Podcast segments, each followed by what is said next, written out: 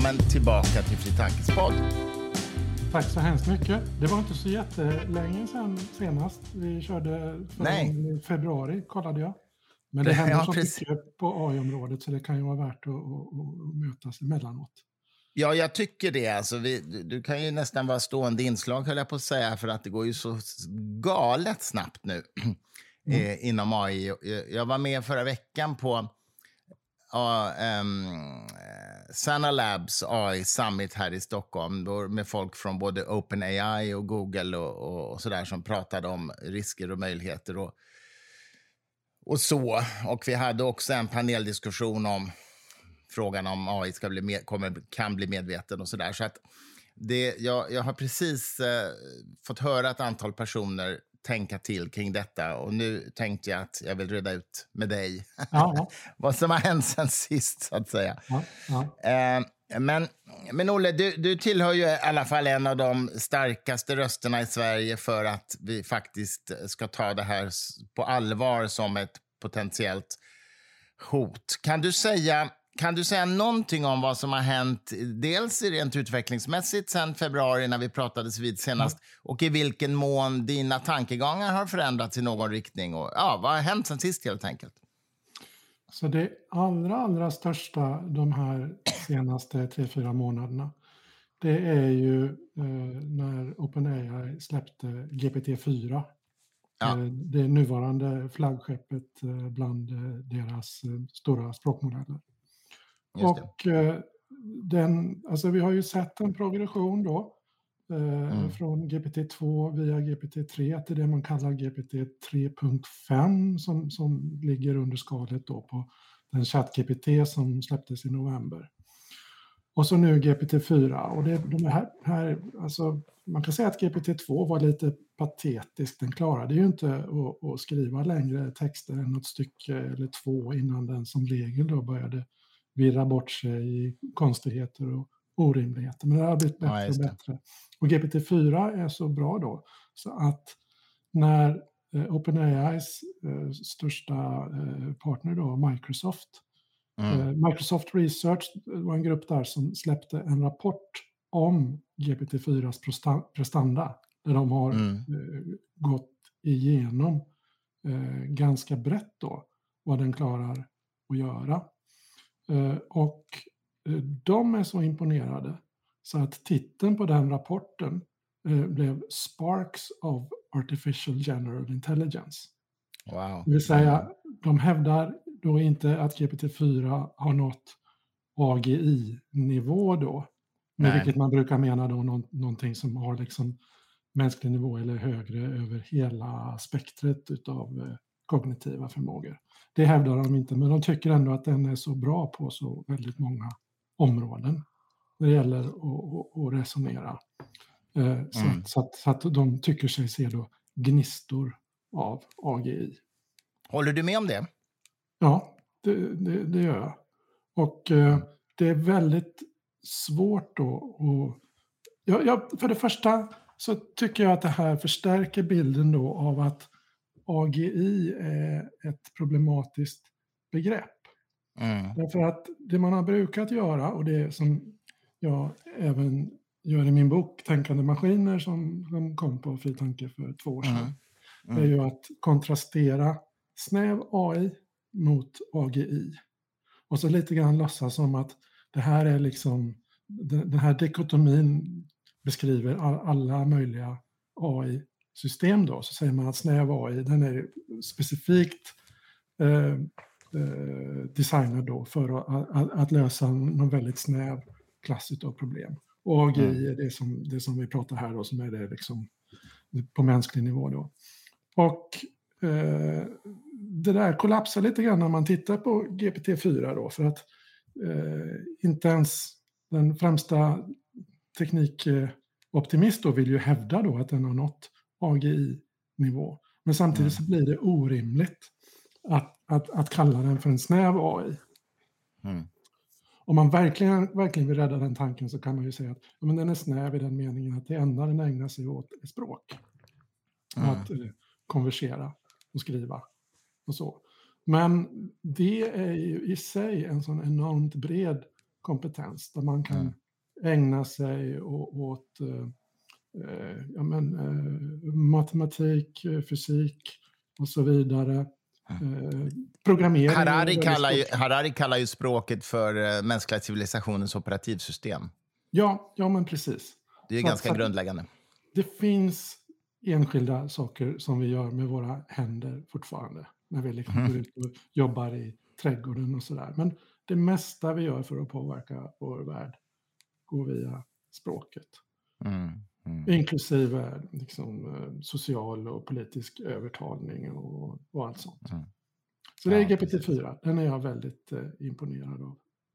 Sen kort efter det, jag tror någonstans kring månadsskiftet mars-april, mm. så kom det här öppna brevet från eh, eh, ja, initiativtagare var ju då Future of Life Institute som leds av Max Tegmark. Mm. Det blev till slut många tusen undertecknare, jag är en av dem. Mm. Och där vi då talar om att eh, något behöver göras för att bromsa den här utvecklingen. Det är för farligt det som pågår nu. Och sen lägger vi upp på bordet då ett konkret förslag om en sex månaders paus i träningen utav de allra största eh, AI-modellerna då. De, de, de som är större då än eh, nuvarande GPT-4. Och det här förslaget har ju fått väldigt mycket kritik eh, och det är med rätta därför att man kan både säga att eh, det är inte så realistiskt att genomföra det här stoppet i närtid och samtidigt så är det liksom fullkomligt eh, otillräckligt för att lösa hela problematiken kring mm. AI-risk. Men jag är nöjd ändå med att ha skrivit på det där brevet för jag tycker att det, det egentliga syftet med brevet var liksom, vi gör ju inte anspråk då för, på att ha lagt fram det liksom lösningen på hur vi ska koordinera och reglera och hantera eh, AI-frågan i nuläget, utan mer lyfta eh, hela idén om att det, det, som pågår nu är väldigt, väldigt riskabelt och någonting måste göras. Mm. Det här är, det är verkligen ett trendbrott. Därför att om jag åter får anknyta till, till, till min bok för två år sedan då, så mm. skrev jag själv där att ska vi göra någonting åt det här och det tycker jag verkligen vi ska göra. Eh, så eh, kanske läsaren känner sig frestad då med tanke på de katastrofscenarier och så jag beskriver i boken. Frestad att tycka att det är dags att dra i nödbromsen, stoppa den här utvecklingen eller i alla fall bromsa in den då. Och det sa jag i boken då att det här är liksom helt orealistiskt. Det finns så starka marknadskrafter och andra samhällskrafter. Så att, mm. så att den som lyfter en sån idé kommer liksom få hela världen emot sig och det är liksom bara bortkastad tid att ens fundera på. Men under de två år som har gått sedan dess så är det mer och mer som pekar på en, en mer akut situation där vi kan vara på väg mot en, en katastrof och eh, det här projektet med AI alignment som det kallas, som mm. Ursprungligen utvecklade på 00-talet och som sen har blivit eh, lite av ett forskningsområde i alla fall. Jag skulle vilja se att det växte eh, mycket mera än de kanske 300-400 heltidsarbetande forskare som är nu. Men, men, men vitsen med AI alignment är att se till att den första riktigt, riktigt intelligenta AI den, som, den första som är kapabel att verkligen eh, transformera världen eh, på egen hand. Mm. Eh, att den ska ha mål och drivkrafter som är i linje med verkligen vad vi vill att den ska göra. Att den ska prioritera vad det är nu vi vill ha, mänsklig välfärd, mänsklig blomstring och så vidare. Och jag tyckte att det, det, det finns ett slags, eh, uh, vad ska vi säga, en okänd deadline för när AI alignment behöver lösas. Och det är när vi skapar den här första riktigt eh, jätteintelligenta AI. Och mm. om den ligger inom 5-10 år då, som många spekulerar om, och jag ser absolut inget orimligt i det, så ligger AI alignment-forskningen så långt efter så det känns som att vi kommer inte att klara det och därför behöver vi hitta sätt att vinna tid och därmed blir den här inbromsningstanken då, även om den är politiskt besvärlig och så vidare, så känns det ändå som att det, det där är någonting vi behöver ha med och spela med eh, bland eh, andra åtgärder då för att lösa situationen. Alltså, får jag fråga, Max Stegmark talade ju om nyligen att vi redan har ett liksom fungerande modell för det här och det är ju läkemedelsindustrins eh, eh, ja, Läkemedelsverket eller vad de nu heter i USA som måste godkänna mm. nya läkemedel innan de släpps ut på marknaden. Food and Drug Administration, ja just det. Ja, ah, precis. precis. Ja, och, ja. Eh, och att det då är väldigt höga krav på att de har testats enligt en massa speciella regler och sådär. Och det gör ju att det tar flera år innan ett nytt läkemedel som någon har utvecklat faktiskt kan nå konsumenten. Och, och Tegmark menar ju att man kan se AI på samma sätt, att det ska gå genomgå rigorösa tester innan det släpps. Liksom. Är, det, ja. är det en modell som du tror på? Det ligger mycket i den tanken och jag har själv i olika sammanhang pratat om den djupa kulturskillnad som finns inom det medicinska området kontra exempelvis eh, datavetenskapen och artificiell mm. intelligens. Då. Där det här med biverkningar och sånt i mediciner, det är helt självklart nu, bland annat via FDA och olika organisationer, att, att man mm. faktiskt tänker på. Det finns ingen läkemedelsutvecklare som inte har det här helt centralt i, i den uppsättning frågor de tänker på i läkemedelsutvecklingen. Och, mm. och in, inom exempelvis AI-forskningen då, så har det här, den kulturen har inte funnits. Och när jag under första eh, halvan av 2010-talet så satt jag med i Vetenskapsrådet och, och, och var med i, i mycket, flera av bedömningsgrupperna som observatör och, och, och, tittade på hur, hur man bedömde olika forskningsprojekt. Då. Och, och, och, och, jag minns särskilt inom eh, datalogigruppen då, så var det många projekt som hade liksom uppenbara, inte bara positiva potentiella konsekvenser, utan också tydliga risker med liksom vad som händer med teknologin om projektet lyckats, om, om, lyckas, om man lyckas göra det man säger. Och det, det fanns liksom inga incitament för forskarna att överhuvudtaget ta upp de här frågorna i sina ansökningar. Det ligger i kulturen att man ska, för att bli en framgångsrik forskare så ska man slå på stora trumman över alla de positiva effekter en forskning, ens forskning ska få. Och, och, och, mm. det som också var intressant var att det fanns inget intresse i beredningsgruppen heller att titta mm. på de här frågorna. För att det finns verkligen inte i, i kulturen i de här områdena. Det har man börjat prata om nu. Det blir lite bättre. Man gör försök med på ja, för ett par år sedan så eh, införde man då ett obligatorium på den största AI, eh, årliga AI-konferensen, NURIPS, om att ha med då eh, när man skickar in abstract och, och ansökan då om att få eh, bidra med mm. föredrag på den här konferensen och så, så ska man ha med ett stycke i den här ansökan som handlar om, om potentiella positiva och negativa sociala konsekvenser av det arbete man gör. Det har mm. blivit mycket kontrovers kring det här och det har delvis dragits tillbaka då. Men det har, det har i alla fall börjat hända saker.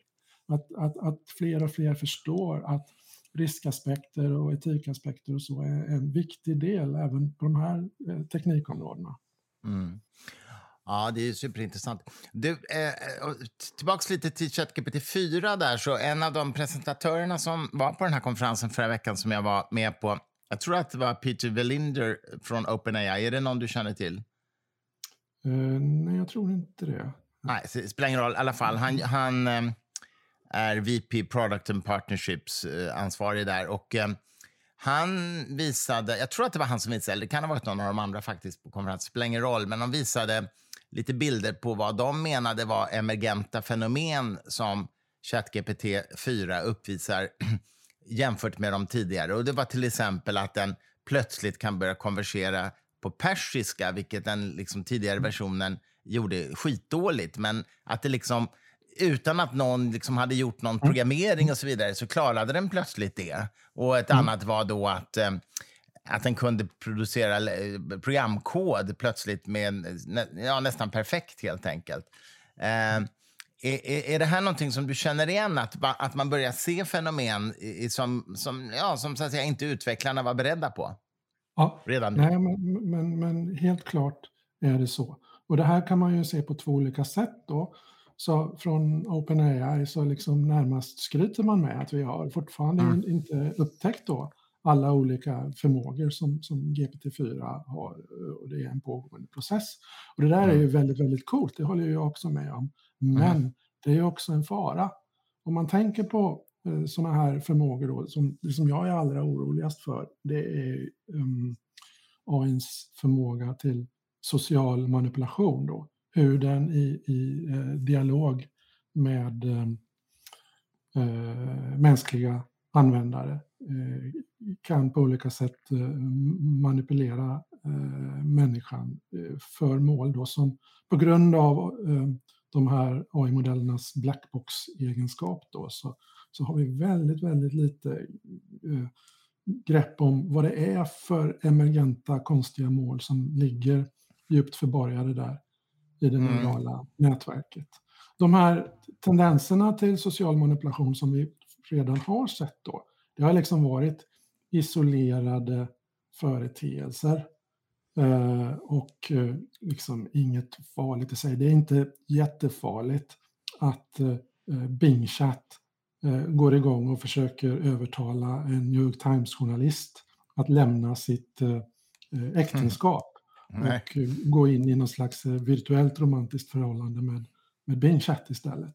Det, det, det verkar som att den här journalisten stod emot de, de, de här påtryckningarna. Det är liksom andra exempel kan man... Annars är det nog snarare ett problem som han har än, än, än ett Ja, AI-problem. ja. Men, men någonstans finns, eh, tror jag, någon slags tröskelnivå Mm. där, eh, och, det, här har lite med emergens att göra, va?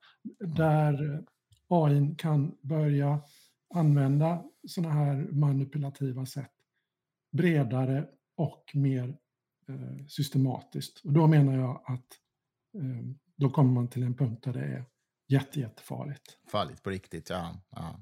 Ja, man har ju försökt att testa de här produkterna innan man har eh, släppt dem och även försökt att dressera dem till att inte göra oönskade saker. Och OpenAI, de var ju väldigt måna om att ChatGPT inte ska, inte ska säga rasistiska saker och inte ska hjälpa eh, användaren med eh, instruktioner för olika slags kriminella handlingar och sådär. Men de, Mm. de, de har inte lyckats. Eh, därför att ChatGPT och även eh, GPT-4 eh, faller in i, den här typen av oönskade beteenden om, om den promptas på, på, på vissa sätt. Då. Mm. Så, så, så det här att man släpper produkter som man inte har säkrat, det tycker jag det är oroande. Inte så mycket för vad som händer just nu med de här produkterna, utan det handlar om deras förhållningssätt när GPT-5 kommer, eller så. Deras framtida, ännu kraftfullare AI. Och, och, och, och de säger att de kommer att liksom vara väldigt noggranna eh, med de här eh, produktsläppen och så framöver. Och mer och mer noggranna eh, ju, ju närmare som de upplever att de befinner sig i den här AGI-nivån. Men Mm. ska vi andra tro på det när de är så slafsiga med nuvarande produkter? Mm. Får, jag, får jag berätta om det mest chockerande jag har sett i dokumentationen av GPT-4? Ja, gärna. För det här är, är verkligen... Så, så att eh, OpenAI då, i samband med släppet av GPT-4 i mitten på mars då, så, så kom det också en, en stor teknisk rapport eh, om, där de hemlighåller vissa saker som liksom eh, di- dimensionen på nätverket. Så här, de, vissa saker håller de inne med därför att de vill Mm. inte spela in då för mycket i, i, i den här kapplöpningsdynamiken då mot sina konkurrenter. Men de berättar ändå ganska mycket och de skriver om hur de har arbetat med att säkerställa att, att den här produkten då ska, ska vara ofarlig.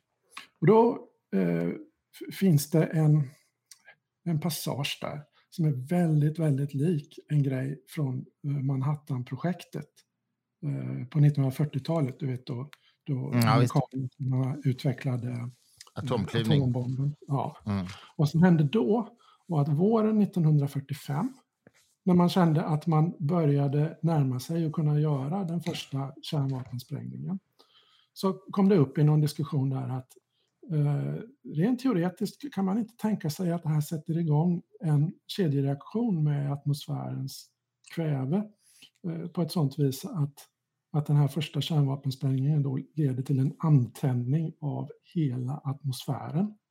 Så att den gör slut då på liksom, eh, ja, hela biosfären och allting. Mm. Ja, eh, allting. Liksom, det, det, det, blir definitivt slut för, för, för liv på jorden. Mm. Eh, det kommer troligen inte att hända, men eh, vi behöver vara säkra på detta, eh, resonerar de. Så de tillsatte en grupp med, med, med tre av de skarpaste fysikerna och jobba med det här och det resulterade i en rapport. Och den här rapporten som väntat då kom fram till att en sån här kedjereaktion var osannolik. Men så kommer det en avslutningsmening i rapporten där de säger att med tanke på liksom modellantaganden och abstraktionsnivån på resonemangen vi har här och bristen på direkt empirisk evidens så anser vi att den här frågan behöver beforskas ytterligare. Och det, är, det är ju intressant då, men sen gick man vidare och Ändå, gjorde ja. den här första kärnvapensprängningen i mm. juli 1945 i New Mexico-öknen. Eh, och det gick bra, men man visste inte att det skulle gå bra. Och mm. det finns en parallell till den här, tycker jag, liksom ödesdigra meningen då i en beskrivning av hur man testade GPT-4 i diverse simulerade situationer och eh, räknade med att okej, okay, det finns eh, en risk att tillräckligt avancerad AI börjar lära sig saker som självreproduktion och resursanskaffning mm. och sådana saker. Och så skriver de att att eh, nu, nuvarande GPT-4, den som de höll på att testa då, ser ut att troligen inte ha nått den här nivån. Men mer forskning på området behövs för att utreda det här närmare. Mm. Och sen släpper man GPT-4. Jag ser, jag ser det som precis analogt. Det verkar ha gått bra med GPT-4. Vi ser inga katastrofala tendenser ännu och jag tror inte vi kommer att se några heller från, från, från, från den här modellen. Uh, men när man skriver en sån sak som att det här är en, en sak vi behöver forska på ytterligare och sen så tar man ändå risken och släppa den och kanske orsaka en jättelik AI-katastrof. Det är mm. liksom, eh, ja, jag saknar ord. Jag förstår, jag förstår verkligen vad du menar. Um, det, det, ryktet säger ju att uh, ChatGPT 4 består av One trillion parameters, tror jag. Jag vet inte vad det blir på svenska. Det är ju lite olika begrepp där. One trillion, hur, hur mycket är det på svenska? Du som är uh, matematiker. ja, nej men... Uh, alltså det här kompliceras ju av att det finns en, en brittisk och en amerikansk teknologi som, som, som, går på tvärs. Okej, okay. uh, strunt samma. Vi behöver kanske väl, tusen miljarder tusen, eller något sånt. Tusen miljarder, ja. Ja, mm. säg det i alla fall. Och Eh, nu, nu, har de inte bekräftat det. Jag försökte fråga dem på den här konferensen och vill inte bekräfta. Men i alla mm. fall, mm. men vad jag har förstått är att hjärnan, den mänskliga hjärnans antal synapser är 100 trillion, det vill säga en faktor 100 mm. Mer. Vilket jag tycker är ganska lite, så att säga. Det är, det är, det är ganska lite eh, skillnad. Det är en skalning på, på en faktor 100 är väl en, en baggis, tänker jag. Det är det väl gjort inom ett par år, eller ett par tre år, eller hur? Ja, visst. Eh, ja. Samtidigt som eh, man kan inte liksom bara utgå ifrån att antalet eh, synapser eller parametrar, de svarar ju lite grann mot varandra då, ja. som behövs i de här språkmodellerna för att, skapa intelligens på mänsklig nivå sammanfaller med, med antalet synapser i den mänskliga hjärnan. Nej, det håller jag med om. Det håller jag med. Det, Men vad jag menar finns, vad jag menar egentligen är bara att om vi ett par tre år har eh, en, en ChatGPT som har samma komplexitet som hjärnan, åtminstone i mm. den enkla 1-till-1-korrespondensen, då kan vi väl inte vara säkra på att det inte uppstår emergenta fenomen som vi, ja, som vi verkligen inte kan förutsäga, så att säga. Nej, absolut inte. Men, men det finns då de som nu hävdar i ljuset av de prestanda som GPT-4 uppvisar, mm. att kanske, kanske har vi med de här språkmodellerna hittat ett effektivare sätt att skapa intelligens jämfört med den, den mänskliga hjärnan. Det finns ingen anledning att tro att, att den mänskliga hjärnan utgör något slags, eller det är i själva verket helt orimligt att tro att den mänskliga hjärnan skulle vara något slags globalt optimum på mm. hur, hur, hur, hur mycket intelligens man kan få med, med den här eh, komplexiteten på modell. Därför att, ja men du mm. vet ju, evolutionen arbetar lokalt och liksom blint för de stora sammanhangen. Den ja. utnyttjar de vägar som råkar, råkar ligga framåt. De här språkmodellerna, ja men träningen av dem och vägen framåt har lite grann eh, samma egenskap. Men samtidigt så, så, så, så går ju rätt så mycket mänsklig intelligens in i arbetet eh, med de här modellerna. Så det är verkligen inte konstigt om vi faktiskt lyckas övertrumfa eh, den biologiska evolutionen när, när det gäller att effektivt skapa intelligens. Nej, nej, precis. Men du, en, en annan sak. Tegmark skrev ju i The Times nyligen att varannan AI-forskare eh, tror att det är 10% risk eller större att mänskligheten dör på grund av AI. Och Det här visade ju Maria Günther sen i DN. Det såg du säkert att det var ju helt felaktig analys av den rapport som han refererade till. Känner du till det? Jag känner till detta och jag tyckte faktiskt att Maria Günthers notis i DN om detta var ganska dålig. Okej. Okay. Om jag får dra det lite. Ja, hemskt gärna. Det är det jag ville. Prata, prata lite statistik här då. Så att, ja, det är det jag tänkte. Ehm, det kan ja, ju du. Ja. Så, så, att eh, det här var ju en, en eh, opinionsundersökning då bland eh, AI och maskininlärningsforskare på en av de största konferenserna. Ja. För att få reda på hur de såg på olika framtidsfrågor och så när det gäller AI-utveckling. Och eh, det ligger i sakens natur numera att sådana här eh, rapporter får låg svarsfrekvens. 17 mm. procent eh, i det här fallet. Enkäter, 17 procent blev det. Och det är mm. ju väldigt eh, lågt. Det sticker inte ut jämfört med mycket andra samhällsvetenskapliga studier och så. Mm.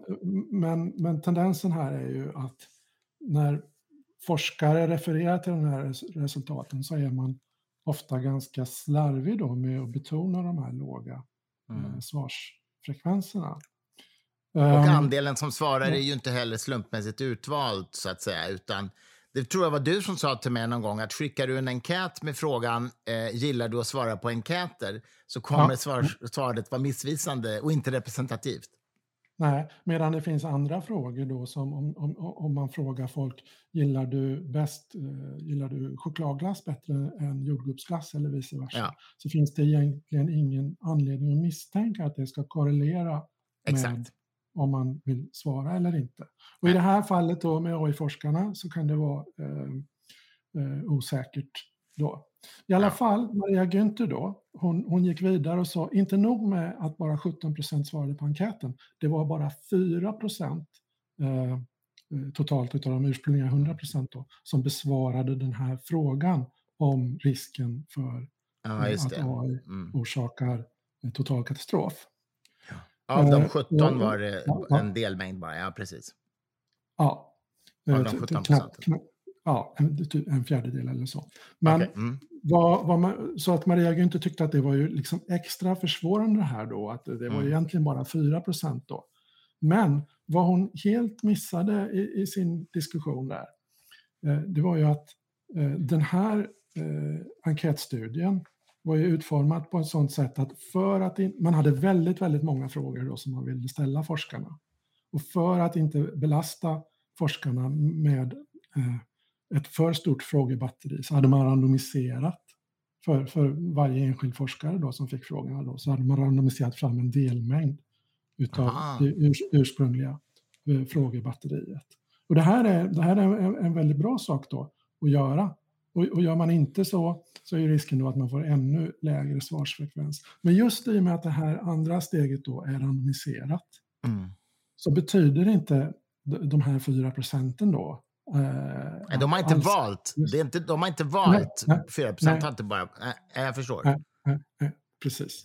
Ja, så att, så att jag, jag, jag, var rätt, rätt, så irriterad på Maria Günther att hon inte gjorde den distinktionen. Man kan kritisera den här studien då för den låga svarsfrekvensen 17 procent. Men det är helt på tok att kritisera den för de här 4 procenten då. Därför att där har man ju med, med, med den här randomiseringen då garanterat att, att den här korrelationen mellan svarsbenägenhet och, och eh, eh, själva sakfrågan då inte finns eh, på den nivån. Nej, precis. Eh, sen, Fast vänta, förlåt, får jag bara fråga. Ja. Eh, de, de som randomiserat fick fråga, den här specifika frågan, svarade mm. alla de på den då? Det gjorde de inte? Väl? Jag kan inte gå i god för att Nej. exakt alla gjorde det, men, men, men, men uh, det, rapporten talar inte om, om, om något bortfall Nej, okay. där. Nej. Nej okay. mm. uh, sen så har, har, ju då den här kritiken mot rapporten och mot Tegmarks uh, uttalande om den har ju då ibland då tagit för givet att det verkliga andelen som, som bland AI-forskare som Eh, ser en 10 eller, eller högre risk då för, för den här AI-apokalypsen. Eh, mm. Eh, att den självklart måste vara lägre, för de föreställer sig då att det finns en högre tendens att svara på den här frågan hos, hos de få forskare, tycker de då, som, som, som är mm. oroade över detta. Men i och med att det här ingår i, i ett större fråge, frågebatteri och de som utformade studien var väldigt noga med att när de presenterade um, själva, uh, liksom de rubricerade uh, enkätstudien på ett sådant sätt att de potentiella svararna då, de, de visste inte i detalj vad det hela skulle handla om. Utan, utan det, det var liksom mer neutrala eh, formuleringar om, om AIs potential och så vidare. Så, så att eh, när Maria Günther skriver i sin DN-artikel att är det verkligen rimligt att tro eh, eh att eh, eh, median AI-forskaren ser 10 risk för undergång till följd av AI. Och så skriver hon att det korta svaret är nej. Men hon har ingen grund för detta. Mm. Utan, utan hon har dragits med då i det här AI-risk förnekar-retoriken eh, som, som, som, som har uppstått då kring, kring den här eh, eh, enkätstudien. Där, mm. studien, där, där, där, man liksom har velat ta för givet att de, de verkliga, det verkliga opinionsläget eh, drar åt ett specifikt och icke, icke alarmerande håll. Mm. Men det, du... det, kan ja, lika gärna dra åt andra hållet. Skulle du säga att man kan sammanfatta det här ungefär så här att Tebarks artikel i The Time Eh, hans påstående var inte så, riktigt så välgrundat som han ville göra gällande men det var inte så, o, så ogrundat som Maria Günther vill göra gällande. Ja, men så kan vi sammanfatta. så ett försök till sammanfattning i alla fall. Ja, ja, eh, ja. ja men det är superintressant. Alltså, det, är inte, det är inte så konstigt att människor som inte är statistiker eller välbevandrade i statistik så att säga förleds åt alla möjliga håll när, när, när det finns så mycket mer bakom siffrorna. Till och med, alltså när jag läste Günthers text så tyckte jag att det var väl argumenterat, men jag visste ju inte det här om randomiseringen till exempel. Så att, mm. ja. Kort sagt. Det var superbra att du förklarade det här ordentligt. Men du, um, icke desto mindre, tror du att Tror du att det finns en risk att de här eh, katastrofscenarierna gör att människor... Eh, hur ska jag säga? Att de tycker det känns så himla science fiction-aktigt så att de rycker på axlarna åt det och därför inte tar det på allvar? Mm. Jo, nej, men den risken finns. Jag har personligen valt att... Jag, jag har lite grann den, den synen att det behöver finnas folk i debatten som talar klarspråk mm. utan att vara maximalt strategiska med hur ska jag kunna Eh, manipulera opinionen på smartast möjliga sätt genom att säga mm. inte exakt det som är min uppfattning utan lite andra saker som drar folk i rätt riktning. Jag, jag, jag, jag vill inte Nej. gå med i det spelet.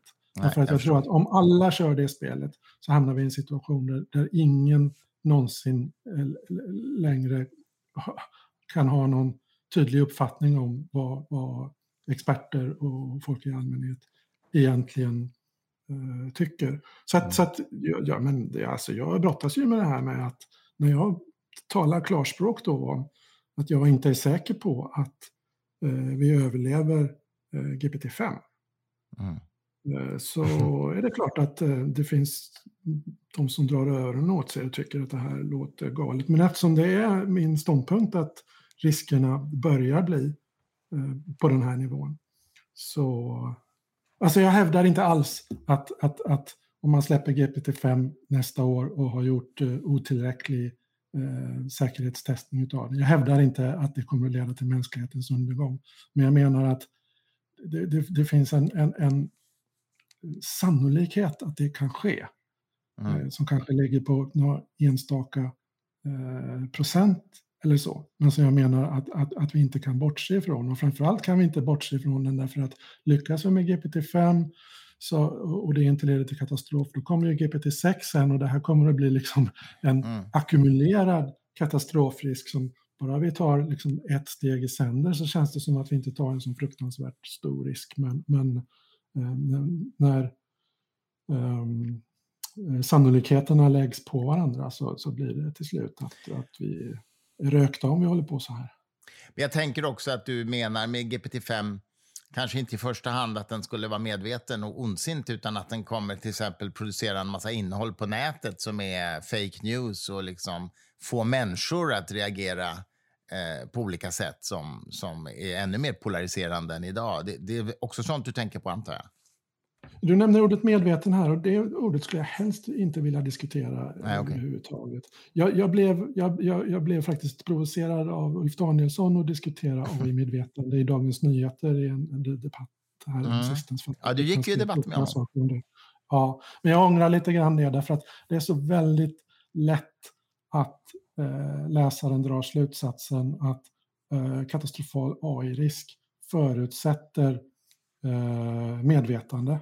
Och så är, mm, så är det inte alls. Det är liksom eh, risk, riskfrågorna eh, här, de som vi tittar på när, när, när vi pratar om AI-övertagande och så, det handlar om vad AI gör och inte hur, liksom, hur den eventuellt, om det, om, det, om det känns som något att vara AI, vilket nej, är den centrala medvetande frågan. Den frågan är, är, viktig och, ja, den frågan är, är, viktig och intressant av andra skäl, då, men den är mm. inte central eh, för den här debatten. Men du frågade vad jag menar när jag säger att, eh, att GPT-5 mm. skulle kunna orsaka den här sortens katastrof. Då. Men jag håller ju med dig om att det är mer sannolikt att den orsakar kaos på nätet med, med, med liksom, eh, gigantiska eh, mängder eh, desinformation och ja. personligt eh, utformad spam Eh, och, och, och sådana här saker. Och det som Daniel Dennett nyligen har, har, har eh, varnat för då som handlar om, han pratar om counterfeit persons, alltså förfalskade människor. Att vi tror, så mycket av vårt umgänge nu för tiden äger ju rum på nätet. Ja. och när vi hamnar i ett läge där vi faktiskt kan bli lurad att, att, att tro att, att, att, vi umgås med personer men det, det i själva verket är, är eh, AI-genererad fake då. Det kan mm. bli väldigt, väldigt farligt och det kommer att liksom orsaka gnissel i, i, våra personliga relationer. Om jag hela tiden måste ställa testfrågor till dig, mm. mm. Christer, mm. För, att, för att veta att, att det är den verkliga Christer Sturmark mm. eh, jag eh, pratar med och, och, inte någon eh, någon, någon fake då. Jag kanske ska ställa frågor om saker som du och jag gemensamt upplevde i något privat sammanhang 2007 eller liksom mm. sådana grejer. Mm. Det kommer bli väldigt påfrestande socialt ja. umgänge. Ja. måste hålla på och göra sånt hela tiden. Nej, men det finns massvis av sådana här mer jordnära eh, risker med AI-utvecklingen. Och den är ju, när jag pratar om GPT-5 så är det naturligtvis mycket mer sannolikt än den här rena totala AI-katastrofen mm. som leder till mänsklighetens undergång. Mm. Men jag håller fast vid det, att vi vet inte tillräckligt mycket i nuläget för att vara säkra på att GPT-5 inte leder till, till en sån situation heller. Mm. Eh, undergångsrisken börjar bli på riktigt. Mm. Mm. För mig är det här psykologiskt en väldigt stor omställning. Jag har ju hållit på med de här frågorna i 10, 12, 13 år någonting och det har mestadels så har jag varit övertygad om att riskerna ligger ju åtminstone ett antal decennier eh, fram i tiden, kanske ett århundrade eh, Eh, eller så också. Men, men den snabba, snabba utvecklingen inom generativ AI de här senaste åren har fått mig att, att, känna att nej, det, alltså, det är inte säkert att vi överlever det här decenniet om vi håller på som vi gör nu. Och därför så, så har jag anslutit mig då till, till den grupp forskare och andra som, som uh, talar för att, att det här behöver styras upp uh, och bromsas. Mm. Så att uh, eh, AI alignment och även liksom, politikernas grepp om vad man kan göra för reglering och sånt, att, att de aspekterna får en möjlighet att hinna ikapp den här extremt snabba teknikutvecklingen. Mm. Använder du ChatGPT 4 själv till någonting vettigt, så att säga? Har du någon Nej. nytta av den? Nej, alltså det enda som jag har använt uh, ChatGPT till är ju uh, liksom för, att stilla min egen uh, nyfikenhet mm. i vad den här tekniken erbjuder. Mm. Uh, men, men folk omkring mig pratar ju varmt om vilket bra skrivhjälpmedel det är när, när, när, man använder det på rätt sätt. Det kan vara så att jag personligen är lite för kär i mitt eget skrivande för att vilja övertala vitala delar av det på, på, på, en AI och att jag på det sättet är, är lite opraktisk. Men nej, jag har, jag har inte... Nej, men det, det, det, som är, det som är läskigt är ju att om man, ställer, om man ber den berätta... Om jag, jag bad den beskriva vem jag, vem jag själv var, till exempel, så gör den ju det på ett väldigt bra sätt. Men den smyger in mm. fakta som är, fel, som är falska, den som är helt hallucinerade. Det kanske vi har pratat om, men jag minns inte. Men, äh, ja. Och, och, det är klart att det blir väldigt förledande eftersom det, det mesta är bra. Och sen kommer det såna fullständigt mm. vansinniga påståenden. Om böcker som jag väldigt, inte har skrivit. Väldigt, du kan, det kan vara väldigt smickrande att se vad de här GPT-modellerna skriver om en. Och om du verkligen vill tillfredsställa ditt ego så kan jag tipsa om be GPT-4 skriva om dig eh, i samma stil som de här introtexterna till Star Wars. Då kommer du få se på något. jag ska prova det. Jag ska prova det. Ja. ja, nej, men jag gjorde det lite mer neutralt och fick en ganska bra beskrivning av vad jag har pysslat med de senaste 20 åren. Men eh, den bland annat tillskrev den ju mig ett antal böcker som jag inte har skrivit, men som jag skulle ha kunnat skriva. Det var ganska bra. En, en, ja, boktit en boktitel som den sa att jag hade skrivit, det var en boktitel som var titeln var så här, Gud är en kul grej på vägen mot bättre vetande. Det är en ganska bra. Ja, ja. Nej, men det låter absolut som någonting som Sturmark har kunnat skriva. Så det, var liksom, det var bra fabulerat utav GPT. Ja, det kan man säga. Men sen blev jag mer bekymrad när den sa att jag var gift med Cissi Wallin. Då kände jag att det, här, det var ja. inte, lika, inte lika lyckat. Henne har jag aldrig träffat, jag har aldrig skrivit om henne eller om hennes ämnen. Då, då kände Nej. jag att... Det här, men ändå hade den kanske vagt snappat upp någonting om att du rör dig en del i kändiskretsar och så. Och så försökte den säga något som var konsistent med det. Jag vet ja, inte. Nej, vet nej inte. men det här, med, det här med att de här modellerna hallucinerar är ju ett problem för användare. Ja, jag menar det. Om de börjar lita på det för mycket så är det ju livsfarligt. Du, Olle, vi ska, vi ska avrunda, men jag känner att vi ska nog ta ett sånt här snack regelbundet. Kanske efter sommaren, eh, någon gång in på hösten, så får vi se vad som har hänt då. Ja. Kanske ChatGPT 5. Vad sa du? Ja. Så håller vi på så ända fram till AI-apokalypsen. Nej, jag skojar. Jag förutser inte, äh, förutser inte en AI-apokalyps, utan jag menar ju att vi fortfarande kan lösa det här. Äh, kan, kan lösa det här. Det är ju lite jobbigt med, med en legend inom AI alignment-området som LC Judkowski, som har lite grann gett upp hoppet. Han har ju varit med, efter mm. några års tystnad nu, så har han varit med i en serie poddar de senaste månaderna. Ja, Sam Harris bland annat tror jag. Eh, kanske till och med han, ja. Eh, Lex Friedman.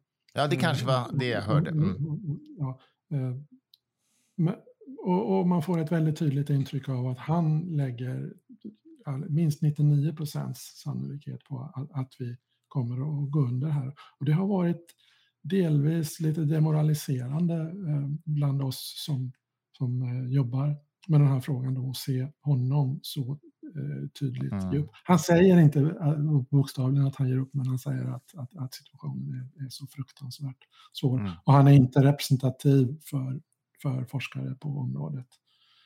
Utan där menar jag att min inställning är mer typisk då att eh, farorna är väldigt, väldigt stora. Men vi, om vi tar oss samman så, så eh, har vi mycket goda chanser att faktiskt lösa detta. När tror du ChatGPT 5 kommer då? Nej, det, det, kan jag inte spekulera om. Men kanske någon gång nästa... Ja, nu gjorde jag det i alla fall. Kanske någon gång nästa år. Men jag har inga, inga, inga liksom, eh, privilegierade eh, insikter om, om det där. Så att sånt, sånt vill de ju inte läcka. Nej, det, det, är sant. Nåväl, men du, vi ses igen tycker jag. Men eh, jag säger tack för denna gången i alla fall, Olle Häggström. Tack för att du var med. Tack så mycket, alltid lika trevligt.